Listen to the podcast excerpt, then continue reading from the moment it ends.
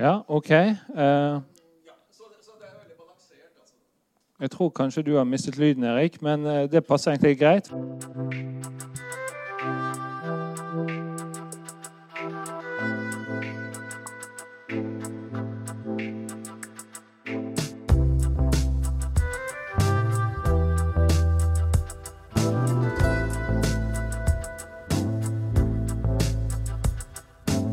Dersom man leser Amtmannens døtre eller Stormfulle høyder og tenker at dette var gammelt og kjedelig og tamme saker, så er man dårligere stilt. Men jeg, jeg likte det alvoret som kom inn der, da.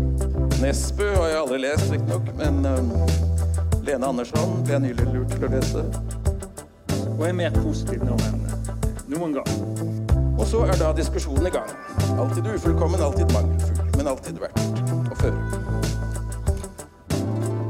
Hjertelig velkommen til tredje utgave av Hagesalongen. igjen spilt inn her i Amalies hage på Bergen offentlige bibliotek.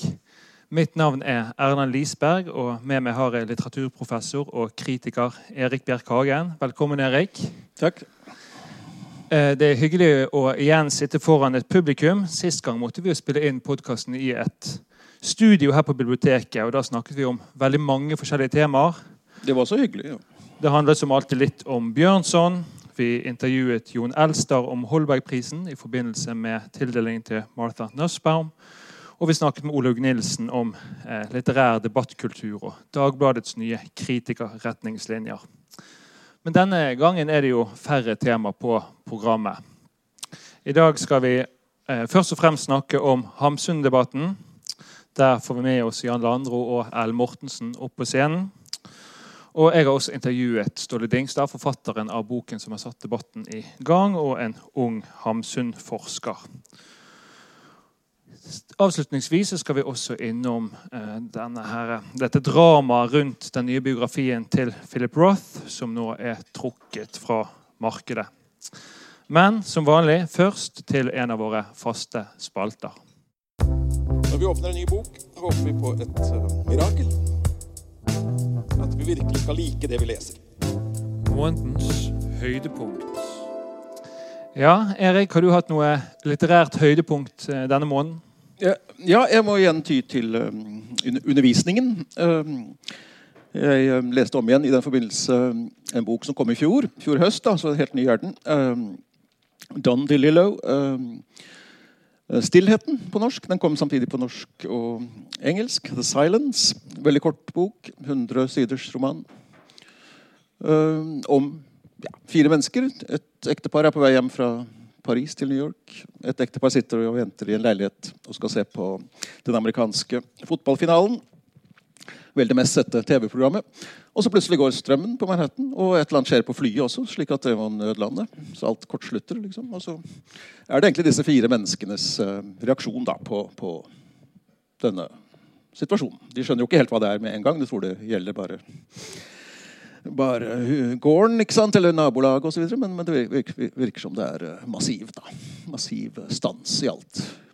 All elektronikk. Så egentlig er vi som er blitt uh, halvt elektroniske mennesker allerede, vi eksisterer like mye i maskinene som utenfor. Vi, hva skjer når vi, når vi, opplever den type sjokk? da? Massivt sjokk. Det ser ikke ut som det er noe redning, men vi følger bare disse fire personene i, i, et par timer, egentlig. Så hva er det da å snakke om? Hvordan snakker man? Uh, dialogen fragmenterer, men DeLillo er en mester, stilistisk mester, så han får til fabelaktig fragmentert halvveis dialog allikevel. Og med veldig konsise, tøffe personkarakteristikker og hvordan disse fire personene ser hverandre osv. Så, så det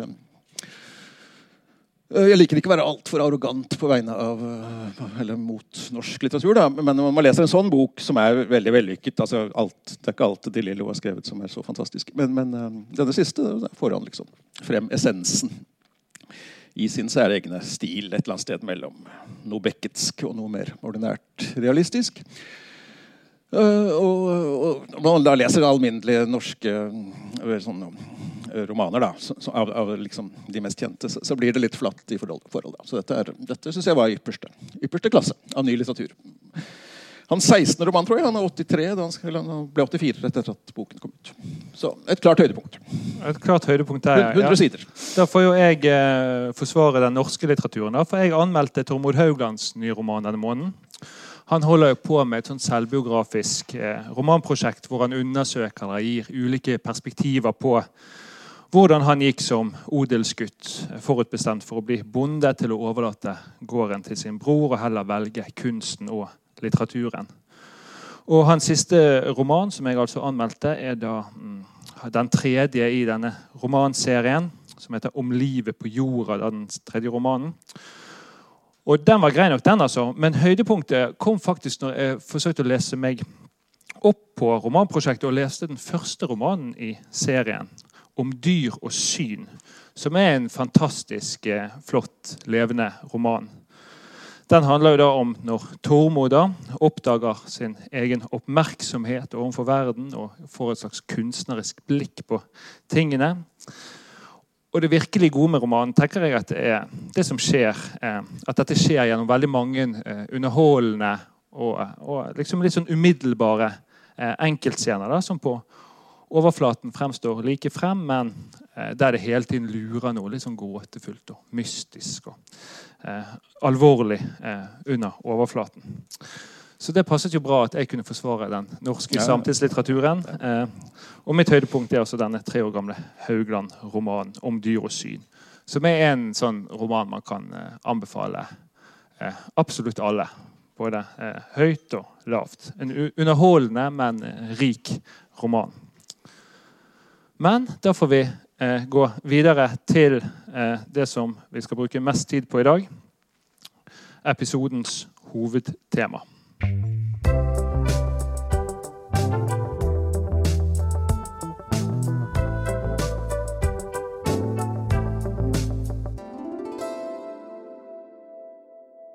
For det er jo en, en eh, debatt som har dominert de siste ukene, nemlig Hamsun-debatten, satt i gang av Ståle Dingstads bok 'Knut Hamsun og det norske holocaust', som handler om hvordan vi skal forholde oss til forfatterskapet til Knut Hamsun. Et problem vi eh, synes å aldri bli helt ferdig med. Dingstad hevder jo i boken da, at Hamsuns umoralske holdninger, og da særlig antisemittismen, gjennomsyrer hele Hamsuns forfatterskap. Og hevder videre at eh, Hamsun da, gjennom sin litteratur og posisjon som forfatter, så var han en premissleverandør og medansvarlig for det norske holocaust. Og at det derfor er eh, barbarisk da, å betrakte han som en stor og god forfatter etter Auschwitz. Kritikken som fulgte utgivelsen, har jo vært rimelig hard, for en si. Katrine Krøger i Dagbladet ga boken terningkast to og skrev at sitat, hvis litteraturprofessor Ståle Dingstads konspirasjonsteoretiske Hamsun-studie er betegnende for nivået på norsk litteraturvitenskap, står det virkelig dårlig til. Ingunn Økland var også kritisk og motsatte seg ideen om å kansellere Hamsun, som hun skrev. Og Bernhard Ellefsen skrev i Morgenbladet at Dingstad slo inn åpne dører med rambukk.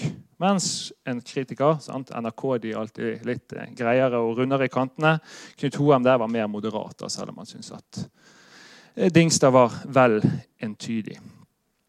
Men dette er jo ikke første gang eh, debatten om hvordan vi skal lese, eller om vi i det hele tatt kan lese Hamsun, oppstår. Er det vel det, eh, Erik? Nei, nei, det har alltid vært en Hamsun-debatt, selvfølgelig. Både før krigen og etter krigen. Um, Det Dingstad vel gjør, er altså Det har vært mer, mer fokus på, på, på Hamsuns fascisme og hans skriverier utenfor romanene, særlig da, uh, de siste 20 årene, uh, tenker jeg. Uh, Men uh, Dingstad uh, samler sammen uh, og, fokuserer intenst på dette som skjer utenfor romanene.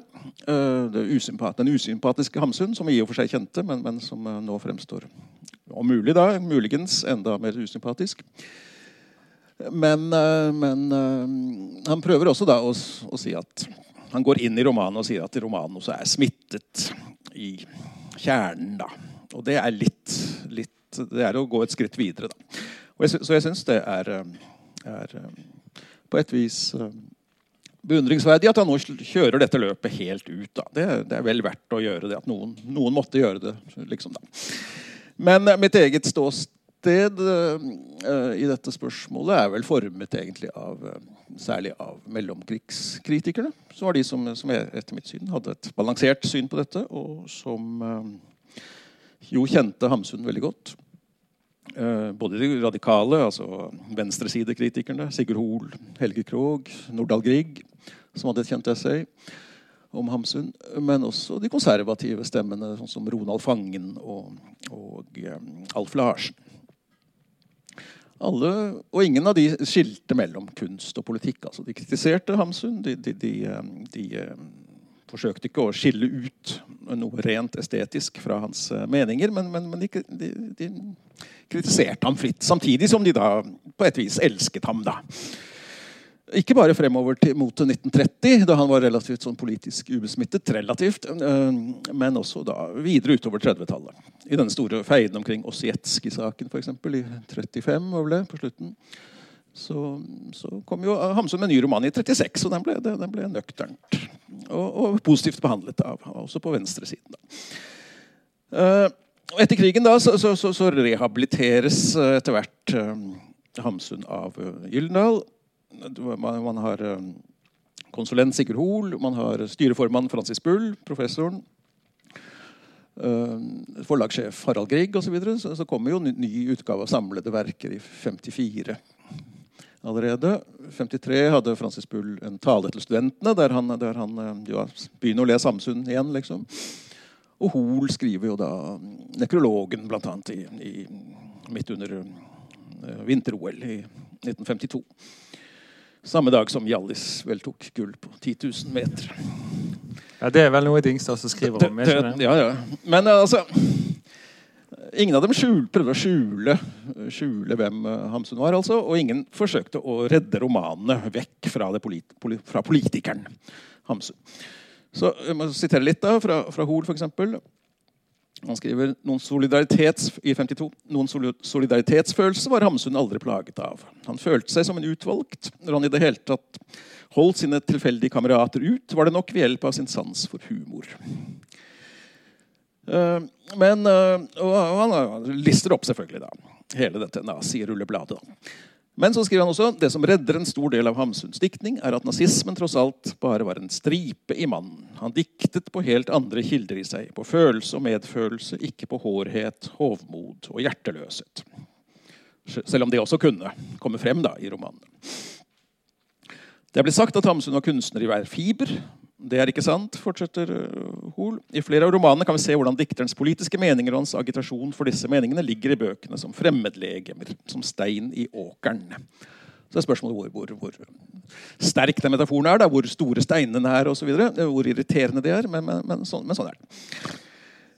Uh, Bull likedan. da, Han fremhever særlig det han fremst, fremhever som Hamsuns uh, fremste kvaliteter, er naturfølelse, som han knytter til livsfylde det er tre ting, egentlig. Naturfølelse, skråstrek, livsfylde. Det er hans artistisk fullkomne stil og hans uimotståelige humor. Det er liksom de tre hovedkvalitetene. da.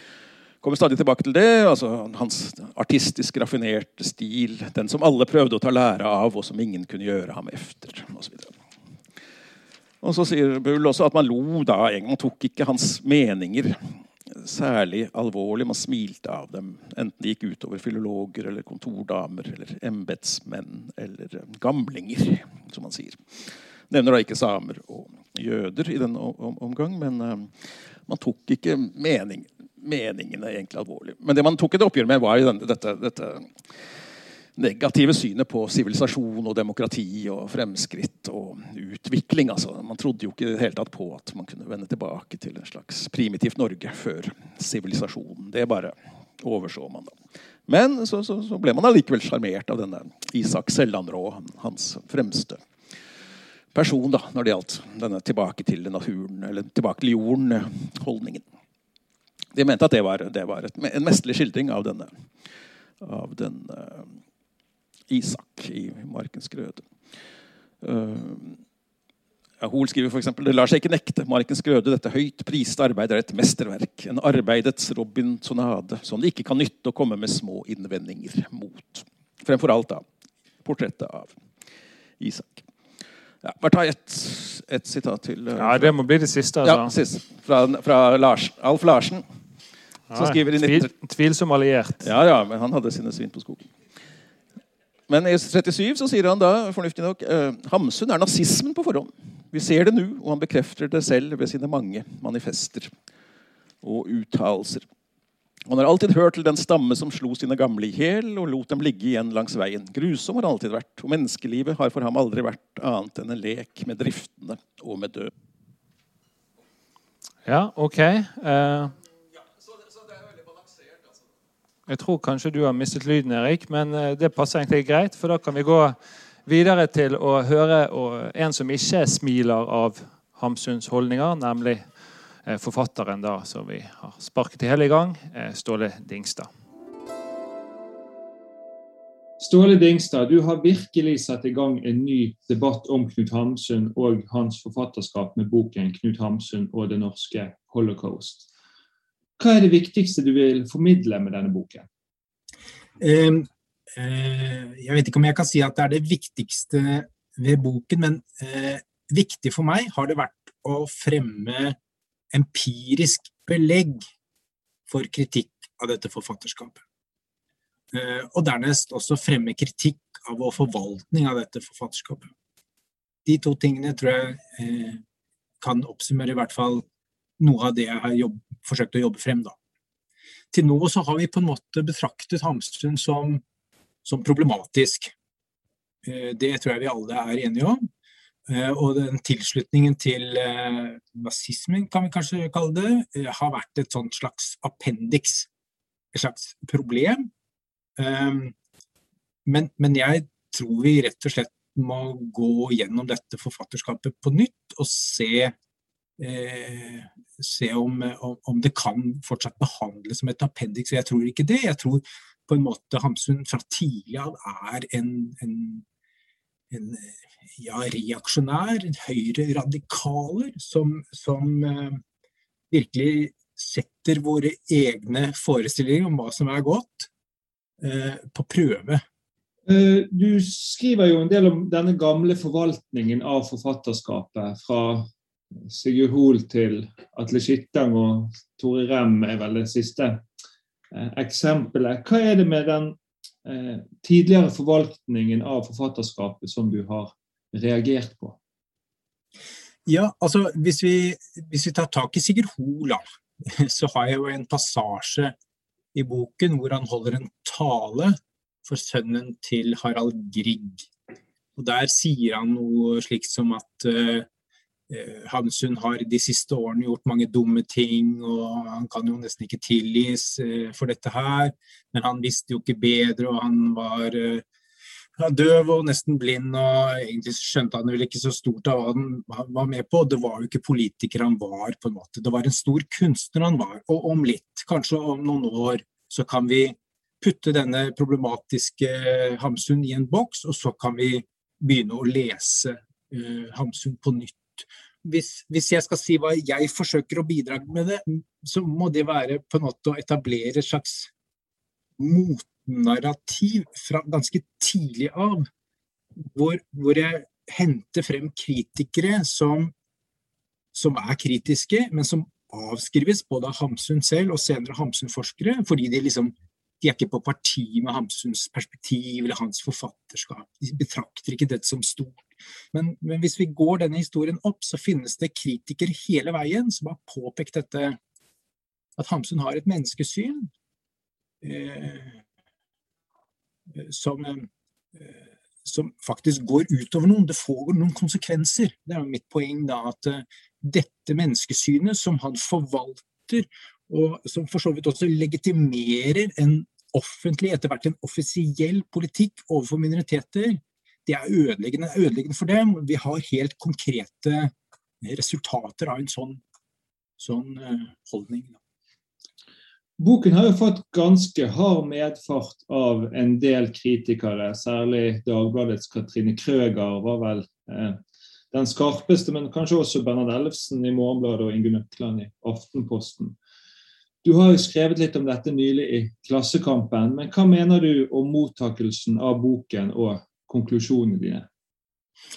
Ja, vi er jo ikke, er ikke mindre selvopptatt enn at vi, vi, skulle jo gjerne helst ha litt uh, godord og uh, kanskje altså litt, uh, litt støtte i, i fagmiljøet. Uh, men, men, det er greit nok. Jeg tar den kritikken, og jeg tåler kritikk, så, så det, det, plager meg ikke. Det som, det som jeg syns er litt leit, er at noen sprer et rykte om at jeg eh, tar til orde for å kansellere f.eks. Hamsun, eller sensurere eller brenne bøkene på bålet, som jo eh, Katrine Kruger henspiller på. Det har jeg aldri tatt til orde for, eh, og det finnes ikke noe belegg for det noe sted. Eh, men det er rett. altså her i denne sammenhengen så er jeg nok ikke så snill og mild som jeg pleier å være. Eh, og Det skyldes at jeg nok mener at det er begått en urett mot minoriteter, og at vi i Norge ikke tilstrekkelig grad har tatt et oppgjør med dette. Du har jo skrevet og eh, ikke minst lest Hamsun gjennom eh, mange år. Og Det er sikkert mange lurer på, er jo da hva er ditt personlige forhold til Hamsuns litteratur i dag? Ja, eh, jeg tror nok kanskje jeg kommer til å legge han på hylla eh, i en tid framover. Hva som skjer senere, tør jeg ikke å spå. Eh, jeg vet at jeg har eh, andre interesser også, så, så vi, vi, får nå se. Eh, men jeg, hvis, hvis, jeg skulle på en måte bidra framover, så tror jeg kanskje vi må gjøre noe med den, vår egen selvgodhet og vår minnekultur. I Tyskland f.eks. så ville aldri Hamsun fått en statue hvis han hadde vært tysk. Tusen takk for at du ville snakke med oss i Hagesalongen, litteraturprofessor Ståle Dingstad.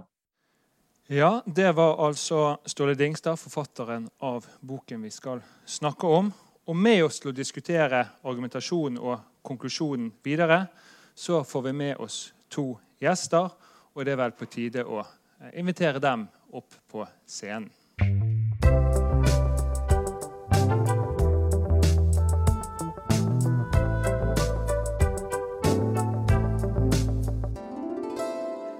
Til å diskutere Hamsun-debatten Dingstad satte i gang, har vi fått med oss forfatter og kritiker Jan H. Landro og litteraturprofessor Ellen Mortensen.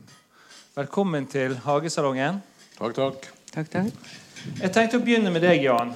Eh, har Dingstads bok og debatten i etterkant forandret ditt forhold til Hamsuns litteratur? Not one bit, som Hamsun ville sagt. Han var jo trikkekonduktør i Chicago.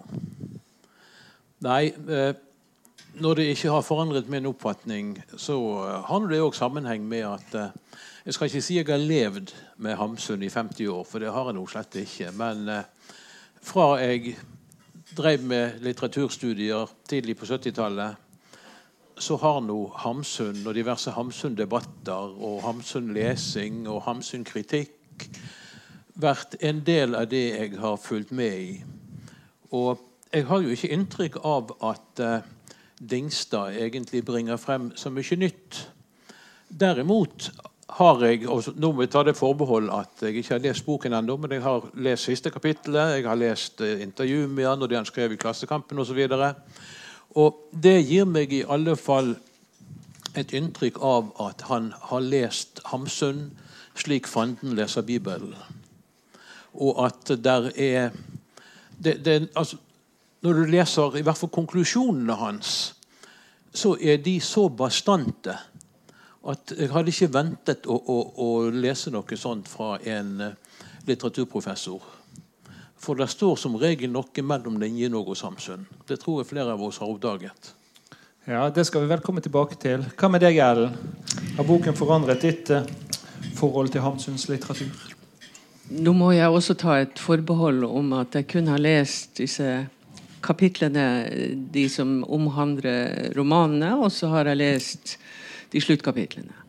Så eh, jeg har heller ikke jobba meg gjennom hele, hele boka. Men uh, jeg har jo også lest i Morgenbladet og Klassekampen og uh, rundt om hvor det har vært en diskusjon. Jeg vil si at det har vel ikke grunnleggende forandra mitt syn på Hamsun.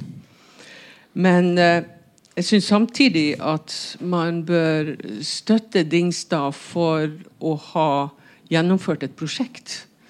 Eh, et kritisk prosjekt, en, en, et forsøk på en nylesning av eh, forfatterskapet. Eh, et forsøk på å lese Hamsun med utgangspunkt i delvis de nye teorier om, om minoritetsstudier og kritisk raseteori. Og så kan man jo heller stille spørsmål om hvorvidt det har vært en vellykket lesning.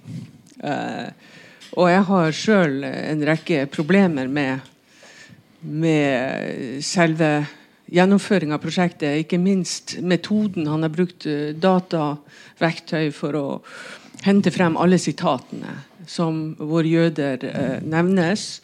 Og så går han gjennom hvert enkelt uh, sitat og, og, og, studere det litt og, og diskutere det litt i, i eh, som, som, enkeltstående eh, eksempler, uten at du egentlig får en følelse av hvor, hvordan dette eh, passer inn i, i, selve verket. Og på grunnlag av denne eh, innsamlinga av disse sitatene, så avleser han da et mønster. Eh, som da gir han, mener han, et empirisk belegg for å hevde at det er en gjennomgående negative karakteristikker av jødene i Hamsuns forfatterskap. Og at, de, uh, at han, at han slik da har Mener at han har belegg for det. Slik at de da fremstår som løgnere, bedragere, upålitelige, til tross for at de kan være kløktige.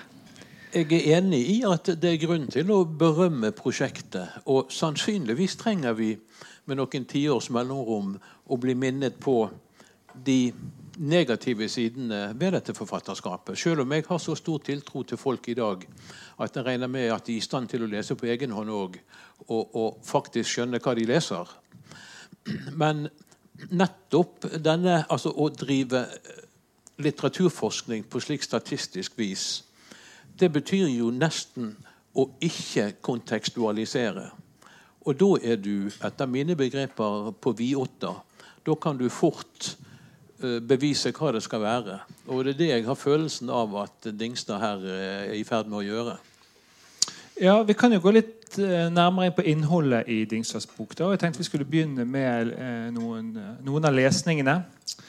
Dingstad har jo som det nevnes her gått gjennom Hamsuns samlede produksjoner på leting etter for forskjellige typer umoral. får vi vel si. Rasisme, antisemittisme og det vi kan kanskje kalle en reaksjonær modernitetskritikk da, som Dingstad da hevder danner et ideologisk grunnlag for nazismen og etter hvert holocaust. Men han finner jo mye av dette i Hamsuns litteratur. Og særlig uh, mye plass er jo da viet 'Markens grøde', Hamsuns nobelprisvinnende roman fra 1917. Og Her sporer jo Dingstad ikke bare en kritikk av moderniteten, men også det han kaller for en nasjonalistisk og rasistisk ideologi, inkludert av antisemittisme og nedsettende beskrivelser av samer. Erik, jeg vet at du har gjenlest 'Markens grøde'. Hva tenker du om eh, Dingstads lesning her? Ja, altså, jeg jeg syns det er bra at han tvinger oss til å, til å ha blikket på beskrivelsene av av samene, eksempel, som er viktige, relativt viktige i Markens grøde. Og det, jo, det, det, kommer noen setninger der uh, som, som, er stygge. på et vis da. Og Man ser dem på en litt annen måte antakelig, etter å ha lest uh, Tingstad. Altså, altså at uh, lappene de var utøy og makk, som ikke, i, ikke, fikk lov å komme i nærheten av husene osv.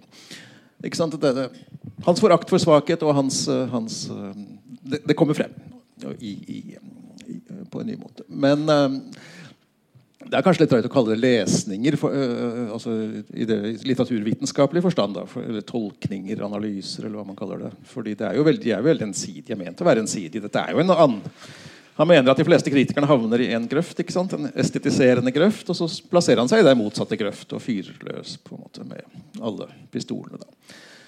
Og det, det, kan jo være nyttig, men, men, det blir jo ikke balansert uh, på den ene og på den annen side. Lesninger eller tol tolkninger. da, Det gjør det ikke. Eh, men, men, mest om Markens grøde og en del om, om de romanene som følger. Uh, 'Koner ved vannposten' og 'Randstrykere', blant annet. Uh, så um, ja Hovedpoenget er vel at, at, han setter opp jøden Aronsen, handelsmannen, som motsetningen til, til Isak Sellandråd. Og at der kommer det inn en slags antisemittisk poeng, mener han. fordi det er liksom Aronsen som er den mest typiske representant for sivilisasjonen. Den dekadente sivilisasjonen. Den falte sivilisasjonen. Ja, og Han mener jo at Aronsen er basert på en levende modell som eh, da denne her han eh, Israel Lieb Saknovitz, eller Saknovitz, ja. som bodde eh, like bortenfor Hamsun når han ferdigstilte denne romanen i Larvik. da. Ja, og Der har han ikke noe stort belegg for at det skulle være en levende modell. Der. Men han, han plasserer veldig tydelig sivilisasjonskritikken på jøden. Da. Han, og han heter Aron og Aronsen osv. Samtidig er jo han en veldig perifer figur. altså Han er ikke den, blant de mest interessante skikkelsene i Markens Grøde. vil jeg si. Det er, det mange andre skikkelser som, som, peker seg ut. Blant annet sønnen til Isak. Han er den mest dekadente og ek ekle vesenet på mange måter. Han han er liksom er, en, sånn er det jo Samsund fra den tiden særlig. Med en gang du åpner en bok og begynner på skole, så er du ferdig. på en måte. Da, da blir du da blir du et ynkelig vesen. Du blir slapp og tynn og blek og gul. Og, gul i ansiktet. Du er helt ferdig. Enda verre filologen i konerne ved Vannposten, som også er den eldste sønnen der i huset. Helt ferdig. Uh, men uh, så det blir, det blir, for mye vekt på denne Aronsen. Altså det, det, det, er ikke en rimelig lesning vil jeg si, av, av Markens Gud som helhet. Det er mange flere interessante skikkelser som burde vært diskutert. Lensmann Geisler. denne riktignok halvsamiske, demoniske skikkelsen Oline. For meg er det et høydepunkt i, i, i, i uh, Markens grøde.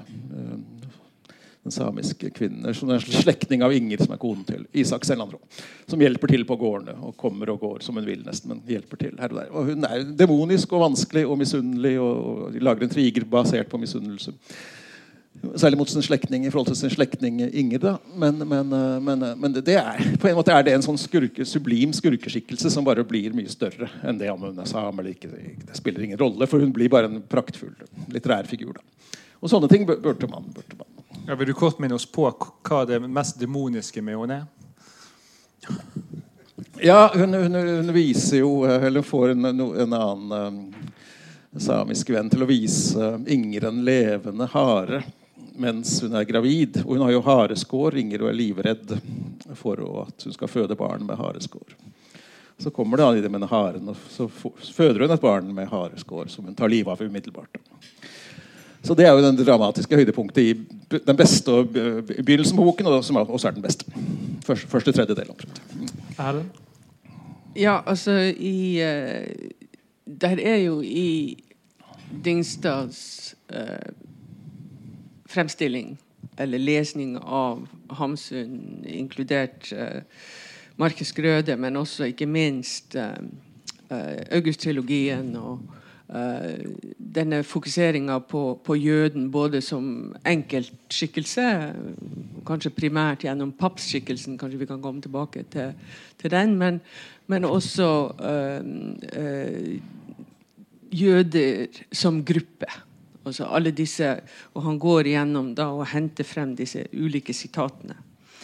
Og, og man har jo på mange måter følelse av at han egentlig bare søker belegg for noe han på forhånd har eh, funnet. Eh, at, at, det blir en slags omvendt eh, eh hva skal si, undersøkelse. Hvor svaret på en måte er gitt på forhånd, og som han sa også i intervjuet, han ønska be empirisk belegg for uh, Hamsuns antisemittisme. Men hvis vi går til, til, til uh, forfatterskapet, så er det jo ikke bare jødene han skriver mildt sagt nedsettende om. Det er samer, det er homofile, det er funksjonshemmede, eller krøplinger, som han kaller de. Det er sigøynere, det er romfolk, det er kvinner, særlig lesbiske. Det er amerikanere og engelskmenn. Han hater engelskmenn. Det kommer, Han hater arbeiderklassen. Og han hater eksslavene i Amerika. Det er bare et lite assortiment av de vi møter i forfatterskapet. Og, eh, og det er jo veldig Alle disse gruppene får jo negative karakteristikker og blir utsatt for det vi kan kalle den hamsunske ironi og hans, og hans eh, særegne evne til å til å, å, å kaste et, et, eh, et, et, et dårlig lys, men samtidig med en slags lekenhet mange ganger. Så det er jo, ikke det er jo negative karakteristikker, men man kan si at det er bare negative karakteristikker. Og jeg syns han har en veldig endimensjonal lesning av papstfiguren. Uh, papst har jo i seg et, et, et, et mangfold av, av, egenskaper. Og en av dem er jo å lure. Det er jo sånn han tjener til sitt opphold. Å lure med å selge dårlige klokker og, og bytte på de og, og, og lure Edvard Det er klok klokkejøden, klokkejøden fra, fra, fra, fra Markedsplassen. Nettopp. Ja. Som vi møter igjen i, i hele August-trilogien.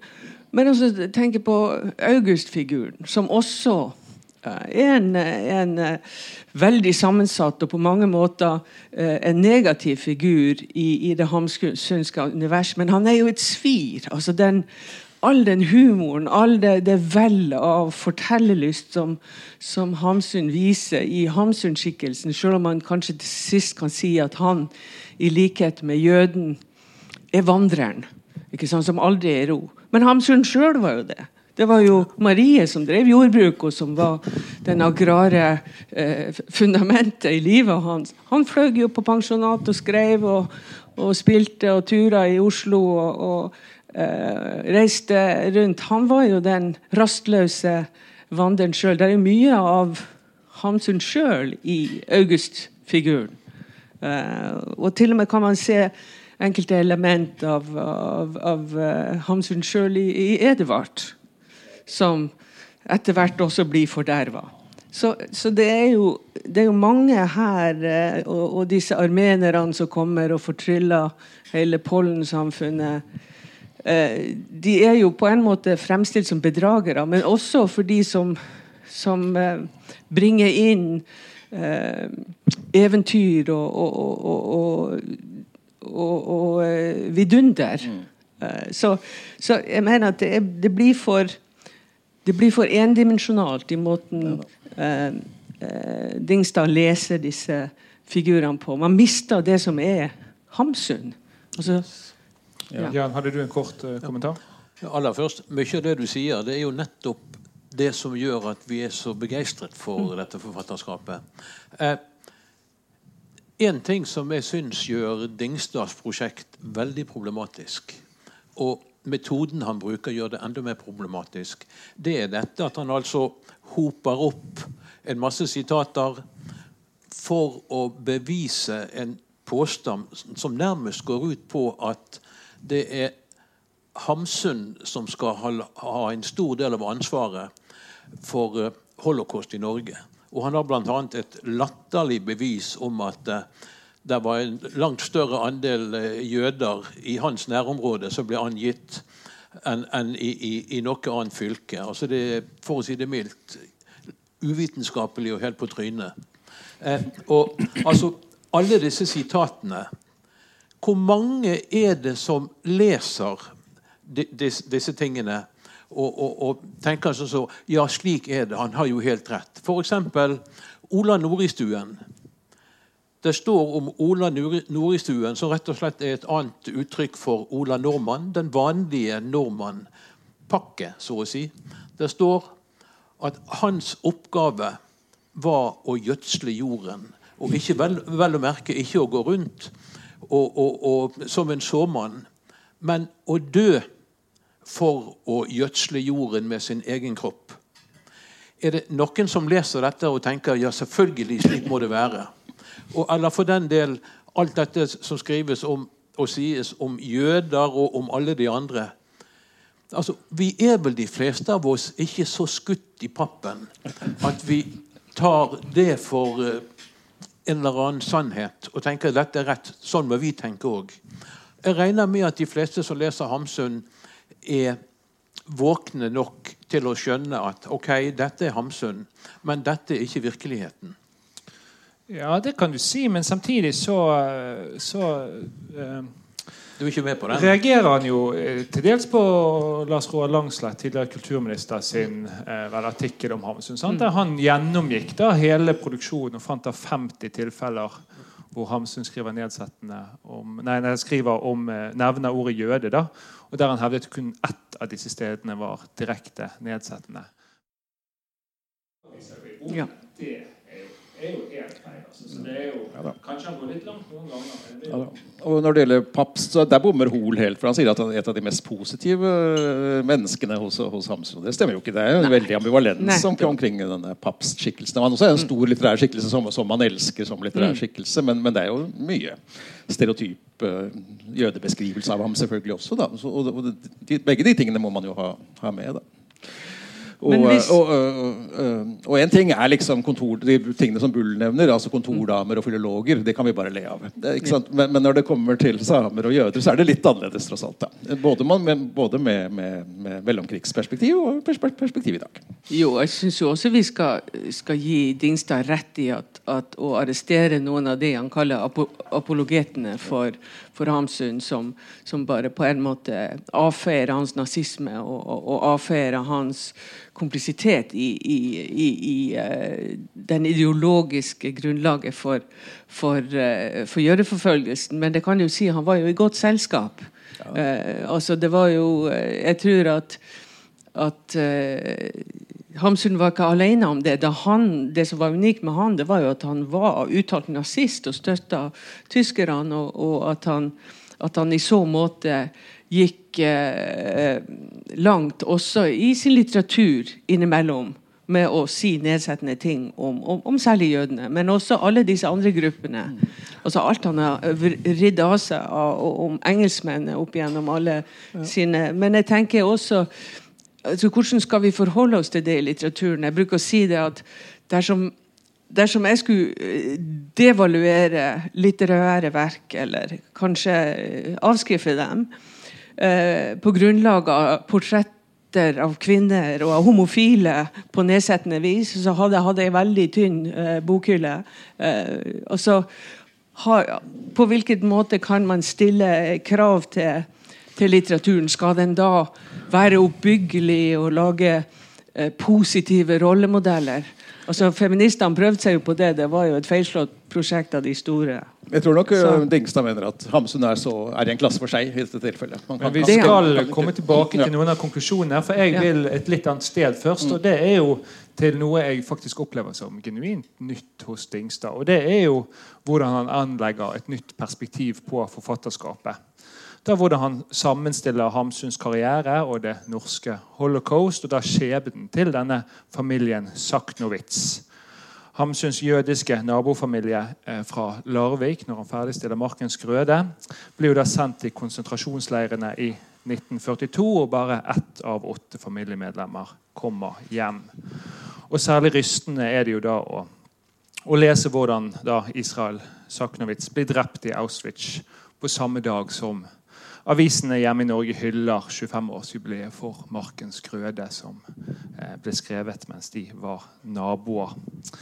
Og dette her perspektivet fra Ofrenes perspektiv på forfatterskapet, det er jo noe eh, genuint nytt, iallfall sammenstilt med i den eh, store argumentasjonen til Dingstad. Men hvem er ofrene? Nei, det vil jo i dette tilfellet da være eh, familien Saknowitz. da. Jo, men er de offer eh, for eh, det han skriver, eller er de offer for noe annet?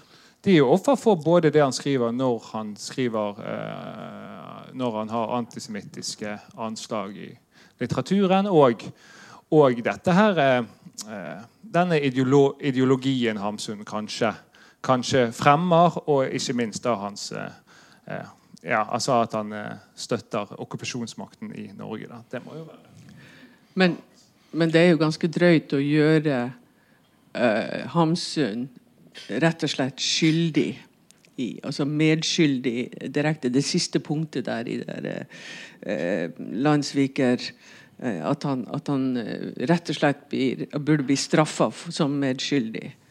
Og, og, og, og gjøre ham direkte ansvarlig for denne familien også, er jo litt søkt. Eh, Men, men samtidig så er det klart at det er kollektivt med skyldige.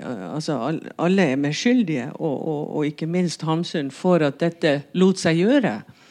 Og runde opp eh, Det var nordmenn som, som eh, runda opp alle jødene og sendte dem med Donau til, til, til Tyskland. Eh, det var ikke tyskerne som gjorde det, det var norsk politi og, og, og med, med vel viten og vilje. og Martin Michelet sine og den største hemmeligheten i den filmen. Det var faktisk veldig flott om, om, om akkurat det. Og Hamsun var jo så mektig og kjent og alt det der. ikke sant? Ja, han er var det. det, er, det Men er det jo- sies jo i de historiske kildene at han prøvde både overfor Terboven og, og, og senere i, i Tyskland å, tale noen jøders utvalgte jøders sak. Men en lang straff ville han fått hvis han hadde ikke hadde fått varig svekkede Ja. Det er det jo ikke Ja. tvil om. Det Ja. Ja. Jan øh, ta ordet. Ja, du brukte ordet kollektiv. Mm. Og det tror jeg er veldig viktig her. For det vi vet altså Det er greit, Hamsun var en enormt viktig stemme. Han ble lest av mange. Jeg tror faktisk at Jonas Lie den yngre ble lest av like mange. Men poenget er Norsk mellomkrigstid var gjennomsyret av antisemittisme. Frode Hellands bok eh, 'Rasismens retorikk', som kom for to år siden, der har han rett og slett tatt en opptelling, altså på samme vis som Dingstad, kan du si.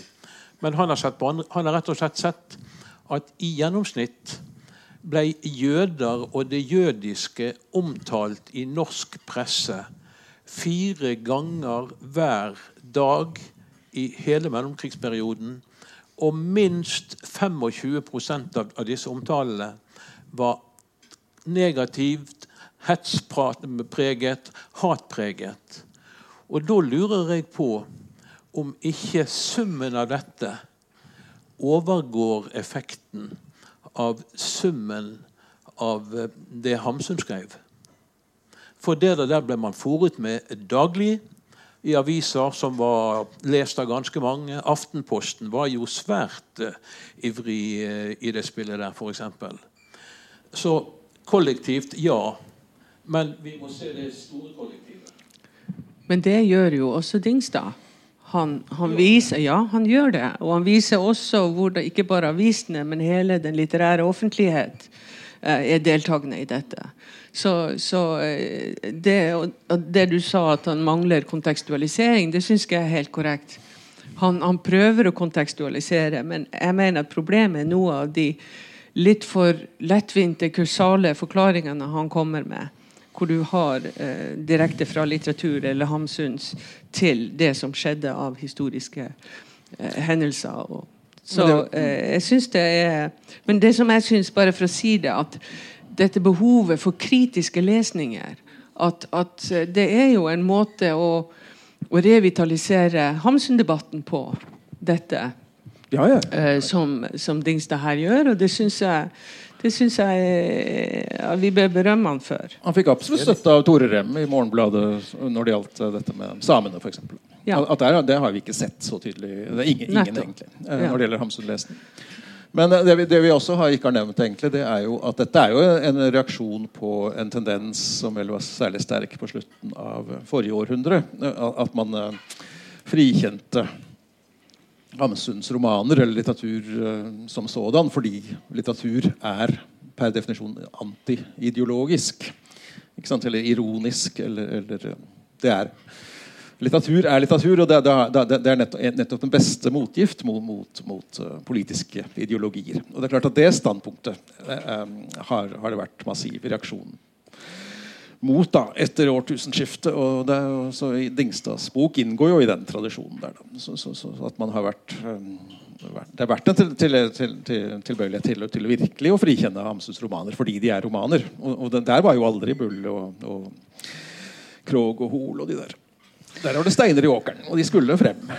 Men jeg vil litt tilbake til dette, disse ofrenes perspektiv, da, hvis man kan eh, kalle det Iallfall offer for Hamsuns negative karakteristikker. da, som eh, Morgenbladet hadde jo også et, eh, et innslag fra Hamarøy, som er en lulesamisk kommune. da, der, eh, der det er en, også en, et slags eh, ja, et merkelig forhold da, mellom Hamsuns negative karakteristikker av samer, og hvordan eh, denne familien, da, eh, en mor og et barn, som eh, moren tar bachelor i samisk og, og har flyttet til eh, Hamarøy for at eh, Eh, datteren som er tolv år, skal uh, få ha samisk som førstespråk på skolen. Da, så, men når hun begynner på videregående, så begynner hun på Knut Hamsun VGS og må kanskje krysse Marie Hamsuns vei og løytnant Glans vei på, på, vei til skolen.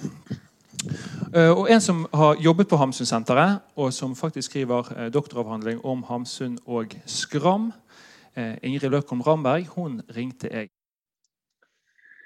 Ingrid Løkholm Ramberg, som representant for en ny generasjon Hamsun-forskere, hva tenker du om Dingstads argumentasjon og konklusjon i hans nye bok?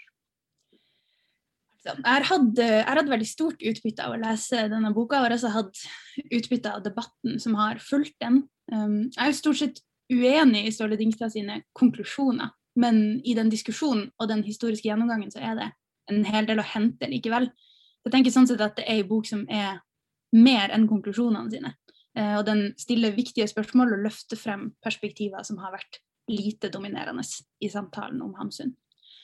Eh, så på dette spørsmålet som eh, gjerne blir stilt nå, om det fortsatt er mulig å tenke på Hamsun som en stor forfatter i dag, så avhenger jo det litt av hva slags litteratursyn man har, tenker jeg. Jeg søker meg jo ikke til litteraturen for å bli oppdratt eller for å få bekrefta verdiene mine. Og jeg tror heller ikke at en forfatter som vil meg vel, hvis jeg liker vedkommende sine bøker. Og det er en formulering som Dingstad bruker flere ganger gjennom boka, som jeg syns er et litt merkelig kriterium å skulle forholde seg til i møte med litteratur. Jeg tror heller ikke at folk flest leser Hamsun i dag hovedsakelig for å få bekrefta holdningene sine, og det er en god ting, da. Så for de av oss som leser romaner først og fremst for å bli klokere på oss sjøl og på verden, så er det, sånn som jeg ser det, fullt mulig fremdeles å betrakte Hamsun som en stor forfatter, hva enn man måtte legge i det. Så er ikke det det samme som å frikjenne han, eller å benekte at det absolutt finnes ideologisk tankegods også i romanene hans. Så for min del så er det jo såpass enkelt som at hvis han ikke hadde vært en stor forfatter, så hadde det heller ikke vært et problem at han også var nazist. Du har jobbet ved Hamsunsenteret på Hamarøy, som Dingstad hevder formidler en biografi og et forfatterskap som citat, impliserer beundring, heder og ære. Feires Hamsun i for stor grad på Hamarøy, og hva tenker du om forslaget om å legge ned hele Hamsunsenteret? Eventuelt å gjøre det om til et formidlingssenter for landets urbefolkning og nasjonale minoriteter? Ja, jeg kan spesifisere først at jeg ikke jobber på Hamsunsenteret nå, så jeg uttaler meg kun som meg sjøl og ikke som noen representant for senteret. Eh, men jeg har hatt ulike oppdrag eh, for og sammen med Hamsunsenteret og Hamsundagene, også etter at jeg slutta å jobbe der som litteraturformidler. Så jeg har ganske god kjennskap til hva de holder på med. Så ikke overraskende da, så jeg uenig eh, med Dingstad i at senteret i sin nåværende form bør legges ned. Det man kan si om Hamsunsenteret, er at det er et ungt senter. Altså, de går i sitt tolvte år i år. Og så har de, og det tenker jeg er ganske viktig, de har en formidlingsprofil som er kontinuerlig utvikling. Eh, det betyr at de hele tida oppdaterer seg, og at de står i en vedvarende dialog både med Hamsun-forskninga og med aktører som Arran, som er dette lulesamiske senteret på Hamarøy.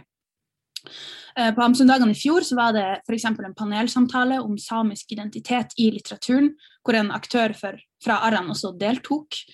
Eh, hvor Hamsun sitt forfatterskap var omdreiningspunktet. Eh, og det var et foredrag fra Tore Rem om nazismens litterære Norge.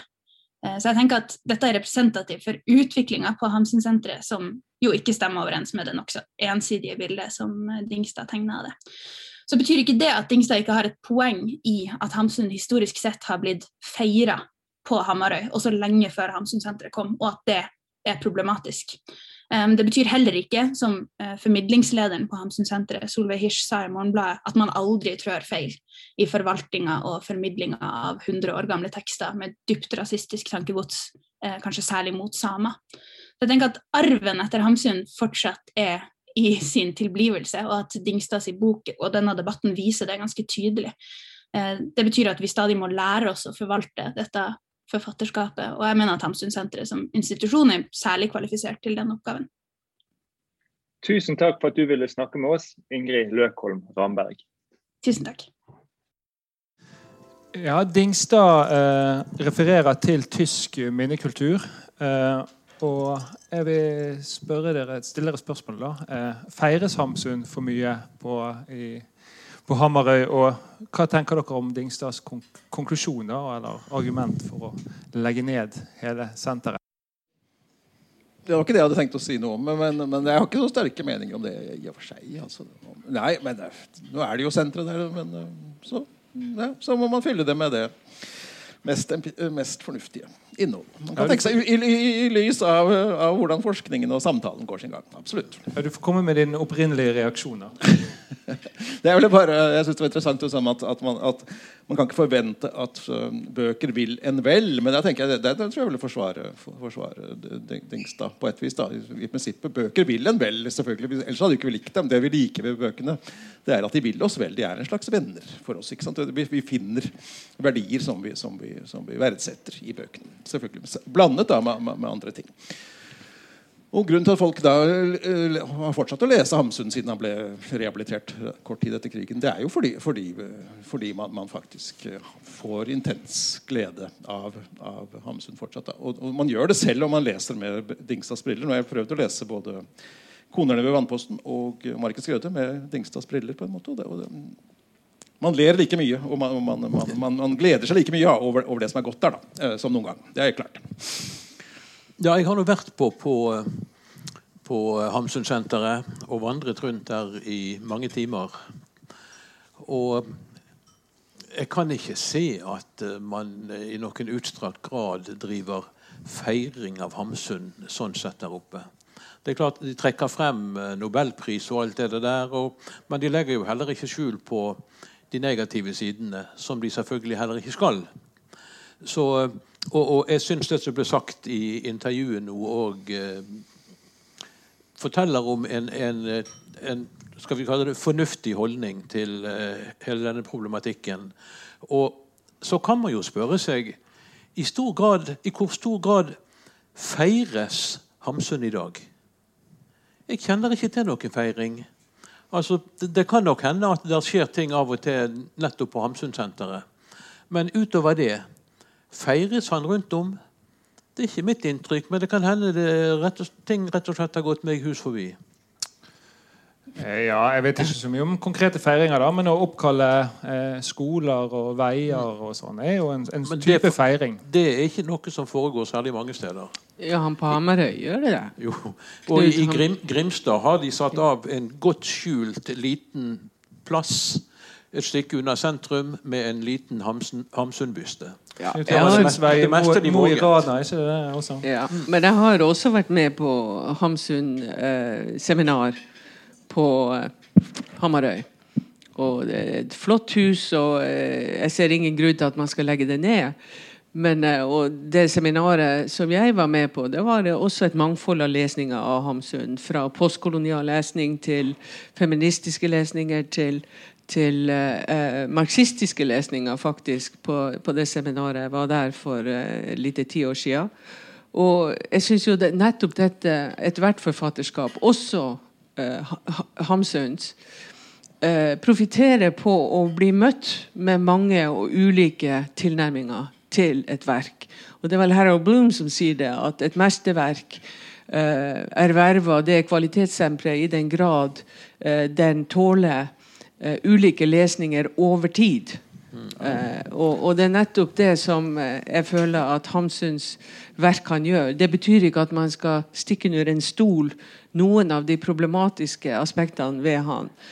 Men å kaste på båten en sånn uh, kulturskatt, vil jeg si, men med en emmen smak, uh, det syns jeg er galskap. Eh, eh, og, og, og jeg tenker at, at selve det også å, å, å, utsette verk for ulike kritiske perspektiv er veldig sunt. Ja da, og, og, og, bøker er ikke bare venner. Romaner også, kan også være rent ubehagelig å lese. Og jeg tror det egner seg spesielt godt fordi at den rommer ofte de kulturelle konfliktene som fins i en tid og en sivilisasjon som det løser på ulike måter, både estetisk og, og, og tematisk. Se bare på Celine, f.eks. Ja, nettopp.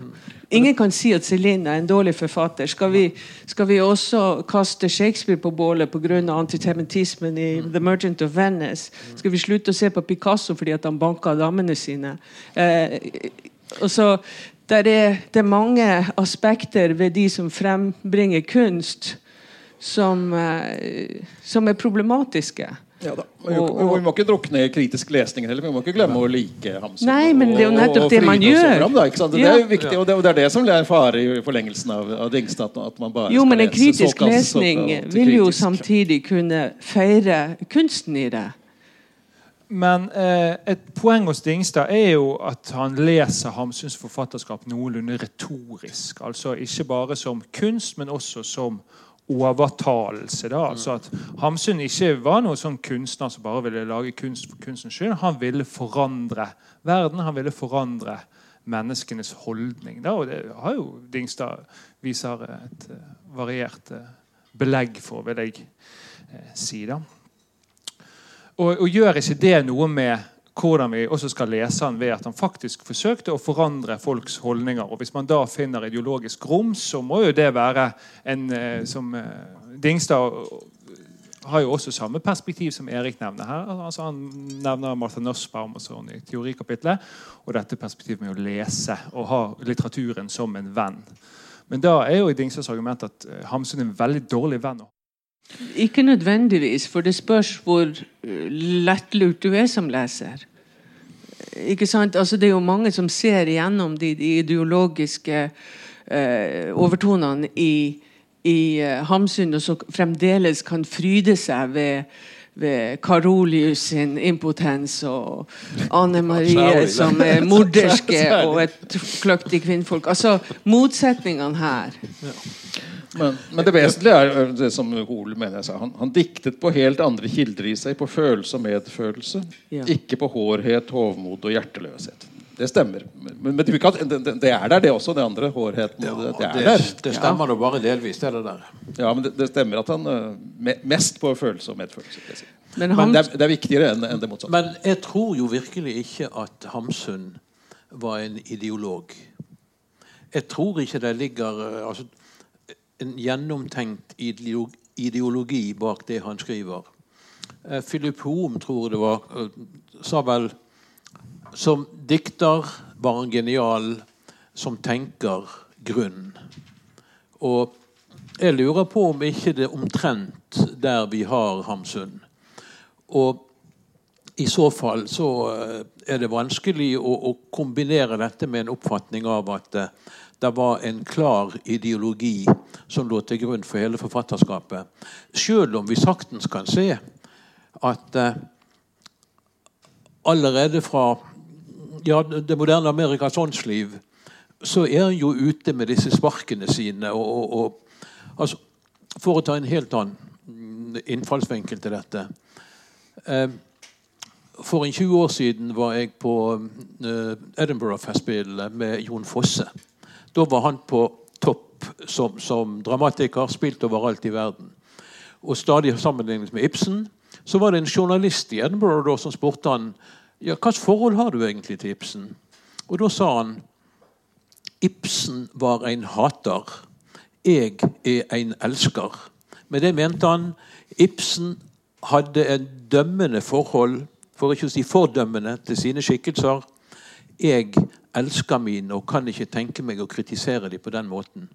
Hvis vi ser for oss dette som ytterpunkt på en skala, så vil jeg plassere Hamsun som den store forakteren. For der er så mye forakt å lese ut av mange av bøkene hans at uh, der har i hvert fall jeg plassert han. Der er jeg grunnleggende uenig. Godt å høre. Ja, for uh, Hams, Hamsun omtalte seg sjøl. Han mente at han hadde en skavank fremfor alle. Han var så inntrykksømhet. Han, han led av en inntrykksømhet. Og det er jo noe av det som kommer frem i poesien i, han, i, i, i, det, i måten han opplever eh, eller disse karakterene opplever verden på. Altså Hvis du tar Pan, eller du tar Victoria eller eh, mange av, av aspektene fra, eh, Jo, men alle de, hele alle de andre Jo, men eh, du kan ta, du kan ta hele August-trilogien. Det er jo masse poesi og svir i, i, i den. Han Eh, elsker altså- ganske mye i, i, Ja. i landstrykere selv. Ja, men han, han- hatt- han forakter mye i eh, siste kapittel og Nettopp. 'Konerne ved vannposten'. Ja, det, er, men- det er jo Der er det nesten det ingen det positive. Men tenk på den Og der siste kapittel, der, er det, der, er jo, der forakter han jo alle fordi de er syke. Det handler jo om fra et sanatorium. Og de, Ja. I og med at de er syke, så er de bare undermennesker. Ikke sant? Ja. Det, det, er helt, det ligger der som et premiss hele, hele, hele, hele veien. Ja, og da er det jo spørsmål Kan noen som forfekter et sånt menneskesyn, være eh, en folkeskjær dikter? Da? Det er jo et eh, spørsmål som eh, Dingstad også stiller. For han, han eh, går jo også gjennom en del andre forfatter, forfattere som eh, utviser antisemittiske holdninger. Åsmund Olofsson Vinje, Arne Garborg, Nils Kjær, Rolf Jacobsen. Og ikke minst, sant, vi sitter her i Amalies hage, oppkalt etter Amalie Skram. Rett her borte Amalie Skram videregående skole. Og i brevene til Amalie Skram er jo hun en rabiat antisemitt. Viser jo eh, Dingstad frem. Og det er vel noe vi må eh, synes er litt eh, problematisk, er det ikke det? Jo, det er klart det er problematisk. Men, Men det var jo så? også veldig utbredt. Eh, Og det er jo og det er det ikke vel Erik Skram sier nei, nå her er du på villspor. Altså, Ja, ja. Han fremstår som helten i, i Dingsas bok. Det er jo ikke så ut, var jo ikke så utbredt med sånn eh, voldsom eh, Nei da. Det er klart at her er grader av antisemittisme, men at det var ei, ei, ei, ei grunnholdning i befolkninga eh, Og man kan også spørre seg om det er helt borte nå. Og nå har vi jo så få jøder igjen i Norge. Det var vel 97 som, som forsvant i forbindelse med eh, krigen i, i Norge. Og, og det er svært få, få igjen. I, eh, så det er jo et, problem i seg sjøl. Men, eh, men eh, jeg vil ikke på noen måte unnskylde eh, Hamsun for noe av det han har sagt. Ikke jeg heller. Nei. Men det er ingen som er enig i tesen om at det nå er barbarisk å lese eller å, å, å, å se på Hamsun som en stor og god forfatter etter Auschwitz. Hva, hva er en stor forfatter? La, la oss si vi tok eh, Nobelprisen som mål. Vi husker jo hva som står i, i testamentet. Da skal det være diktning i idealisk riktning. Dette førte jo til at Ibsen fikk ikke prisen, Strindberg fikk ikke prisen, Joyce fikk ikke prisen, osv., osv., osv. Er det ikke stor litteratur? Altså Stor litteratur det er jo et totalt meningsløst begrep. Jeg tror vi får la det være siste ord i denne Hamsun-debatten. Eh, tusen takk til Ellen Mortensen som eh, var med oss. Eh, Landro, du skal være med litt videre når vi går over til neste.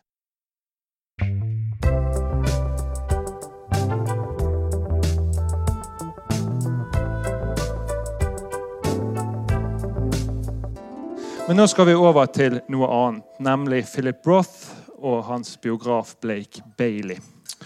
For en aktuell sak som tematiserer noen, kanskje noen av de samme overordnede problemstillingene og forholdet mellom litteratur og etikk, handler jo om Blake Baileys biografi om Philip Roth, som nå er trukket tilbake fra, eh, av storforlaget Norton. Da.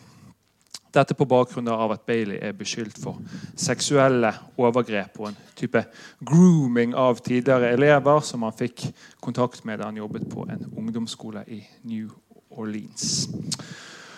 Og Da er det spørsmålet til deg, Erik. Har egentlig det ene, altså anklagene, noe med det andre, altså Roth-biografien, å gjøre? Nei, man skulle umiddelbart ikke tro det.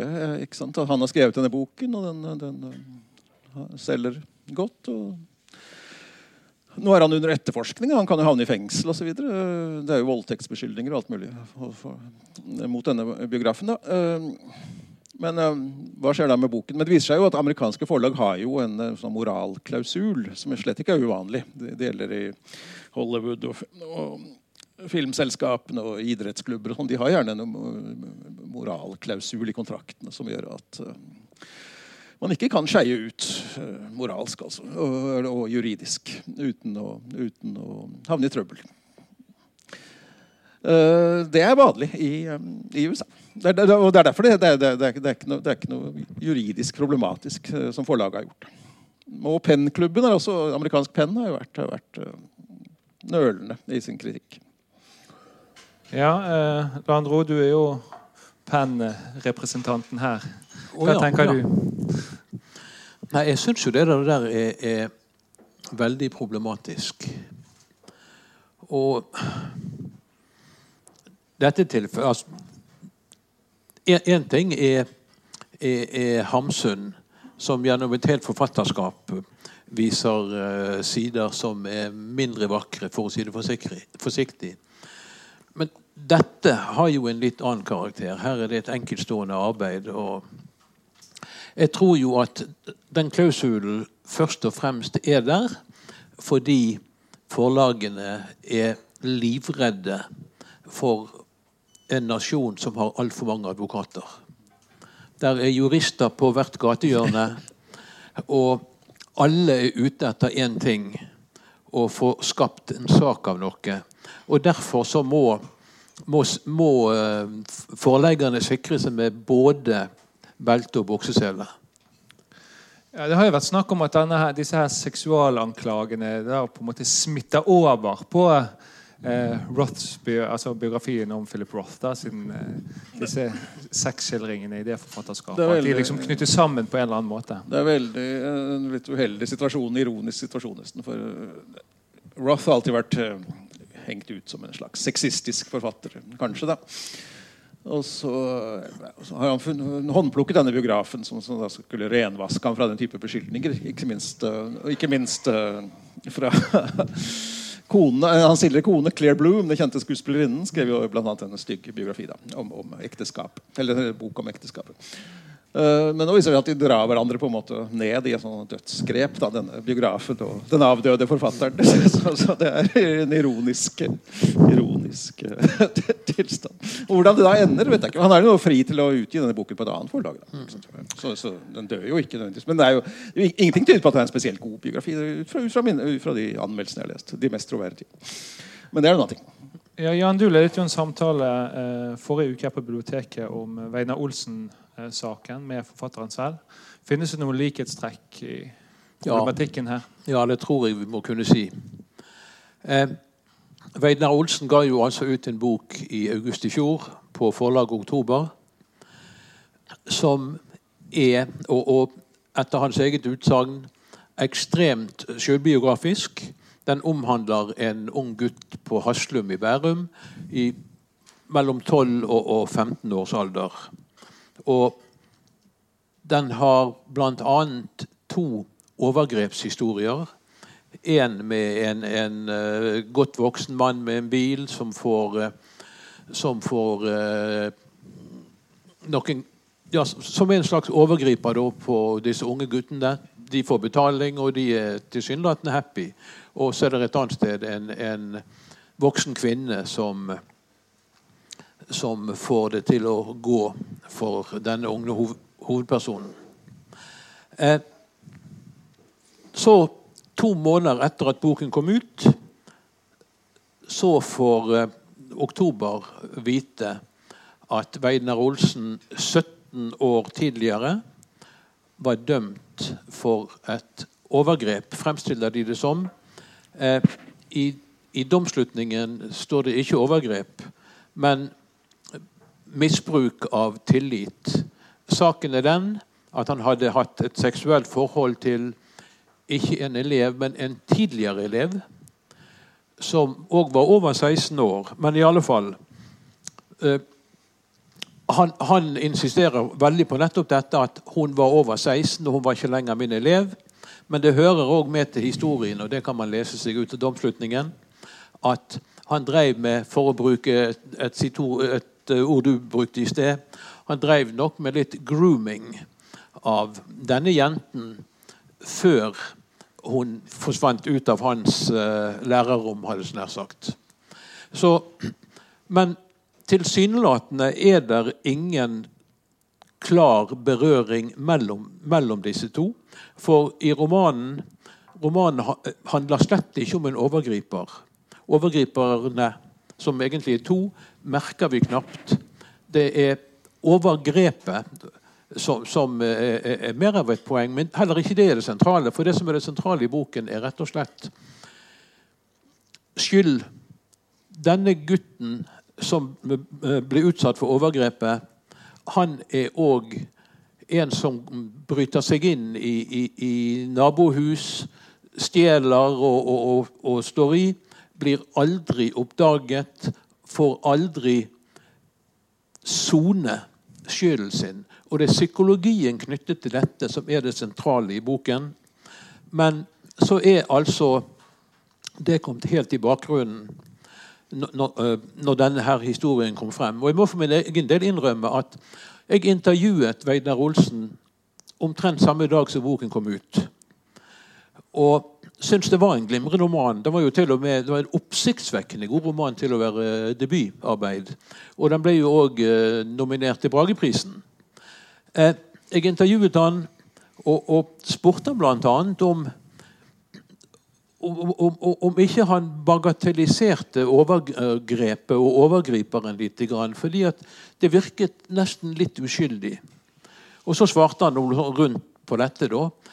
Så kom andre, denne avsløringen to måneder seinere. Og jeg må innrømme at det første jeg da gjorde, det var å gå tilbake til intervjuet mitt og jeg leste det med andre øyne. Og jeg må innrømme at jeg òg leste boken med et uh, litt nytt blikk. Men jeg mener fremdeles at uh, det er ikke grunnlag for å trekke denne historien så langt som mange har villet. Og jeg mener òg at, uh, at forlaget Oktober uh, håndterte saken heller dårlig. Eh, litt kritikk til eh, Oktober forlag der mot slutten, ja. Eh, mer har vi ikke tid til på dette segmentet. Tusen takk til Jan Landro for at han var med oss. Vi venner oss til aller siste spalte.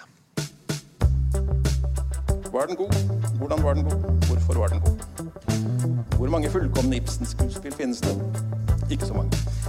Det, det, det, flott. det var flott. Det var flott. Men jeg, jeg, jeg Ibsen som forfatter hadde i det hele tatt begrensninger. For ikke å snakke om Hamsun Undset. Bjerk Hagens topp fem. Ja, Erik, da er vi kommet til min favorittspalte, der du mot slutten av hver episode kårer en topp fem. Og hva slags topp fem er det vi skal høre i dag? Nei, Det må jo nesten bli de beste, fem beste Hamsun-bøkene, da. Romanene. Ja, det blir en barbarisk liste, det. Ja, det blir, nei, men, nei, ja, men jeg har prøvd å, jeg har prøvd å være positiv også til, til uh, Dingstad. ikke sant? Men, men uh, jeg har lest da to og en halv roman de siste to ukene av, av ham. da, jeg, jeg, klarer liksom ikke, i likhet med Jan, da, og jeg klarer liksom ikke å endre, endre min holdning til ham. da, alt i alt. Det som også kjennetegner Hamsun, er at han er jo veldig jevn. faktisk. Det, det, det, er, det, er, veldig mange romaner som, som, er jevngode gjennom hele forfatterskapet. Veldig mange, altså, man, Hva er den hamsunske kanonen, så er det minst 12-13 kandidater. vil jeg si. Vil jeg si det er ikke så, enorm kvalitetsforskjell på dem. også.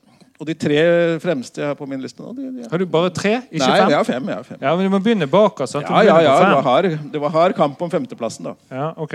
Siden, siden det er tolv som egentlig var i konkurransen, så ble, var det jo en slåsskamp der for å komme med. Men, eh, men, jeg fant ut da at, at, det er mulig faktisk da, under en viss tvil, det er mulig å plassere Markens Grøde på femteplass. Pga. første tredjedel særlig, da. Som ender med at Inger, som har drept sitt barn, kommer tilbake til Sellandrå. Som en litt endret person, men hun er ikke, ikke helt ødelagt. Hun har lært for mye sivilisasjon i fengselet, men hun er ikke helt ødelagt. Og kommer tilbake til naturen på et, et vis. da. Uh, hun er jo også, Hennes barnedrap det er, jo, det er jo da vevet inn i denne overtroen. og alt det der, så, så hun slipper unna. Eh, slipper unna med det moralsk på et eller annet vis i romanen. Uh, uansett. Uh, Fjerdeplass. Så, så, selv alt grumset som Dingstad ja, det er grums, klarer ikke ja. å, å, sende den utenfor topp fem? Nei, men ok, vi får gå til nummer fire. Det er noe sublimt og noe egenartet da, ved, ved Isak Sellandre og hans nyrydnings nybyggerprosjekt der, da, som, som, overlever mye. Pluss denne, denne, virkelig demoniske Oline-skikkelsen som står bak alt som finnes av faenskap i boken. Hun er en, skurk, en av de største skurk, fineste Hamsun-skurkene. Uh, og så er det fjerdeplass. Det er den, den ikke så fullt så mye leste uh, siste romanen fra 1936. Uh, 'Ringen sluttet'. Hans mest negative og på en måte mest mystiske roman. Om denne nærmest hippieskikkelsen Abel, som, som, bare bor i et skur og nekter å være med på småbyens såkalte oppdrift. Han, bare, han vil gjøre minst mulig ut av livet og bare leve fra hånd til munn og fra dag til dag i et, i et usselt skur. Og hva Hamsun vil med den skikkelsen, der, det, det er liksom uklart. og det er mulig han, er, han hadde vel planlagt en fortsettelse da, av Ringen sluttet, men den kom aldri. Um, og så er det pallen. Ja, det var fjerdeplass. Tredjeplass det er Sult, da. Det er jo uh, hans mest kjente i litterære kretser, kanskje. Uh, modernistiske nybrottsarbeidet. Men, men uh, tredjeplass får, får holde i denne omgang. Andreplass det er min, min, personlige favoritt. Det er Benoni og Rosa. Som man heller ikke har så utrolig mye lest, selv om det var en kjent TV-serie TV fra 70-tallet. vel Av Per Brunken i seks episoder. Uh, Benoni og Rosa. Hamsun på sitt aller morsomste. Et komisk mesterverk. Er, Hamsuns humor er Han er antagelig den morsomste norske romanforfatteren. Bull hadde rett der. at det er et av hans adelsmerker. Ja, Bull tar vel sjelden feil, gjør han det? Ja, det hender. Det hender. Uh, Benoni og Rosa, et komisk mesterverk. Hans fremste komiske mesterverk. Uh, det var her jeg skulle egentlig sitert, men det får jeg ikke lov til. Og så uh, nummer én da, da, må, Det er sikkert Ellen enig i. da, det, det, det, får bli landstrykere. Ja, med klokkejøden og alt. Og August. Men først og fremst August. Ja, vi undergraver jo helt uh, forrige diskusjon. Og, og, jo, og jo, men, men denne klokke, altså Paps denne, han er også en av de store Hamsun-skikkelsen. Og August-skikkelsen. Det er bare første bind som er gått av. Det er en trilogi. trilogi. Det, er bare, det er første bind som er noe. De to andre kan vi glemme. Det får bli uh, aller siste ord i Bjerk Hagens topp fem. vi må takke for oss. Vi får takke publikum som kom og hørte på. Vi får takke Pål Vindenes, for, eh, som har laget jinglesene våre. Og så tror jeg vi også må takke han klipperen Lars på biblioteket, som har en liten jobb foran seg her, siden vi har gått litt over tiden. Så vi sier tusen takk for oss.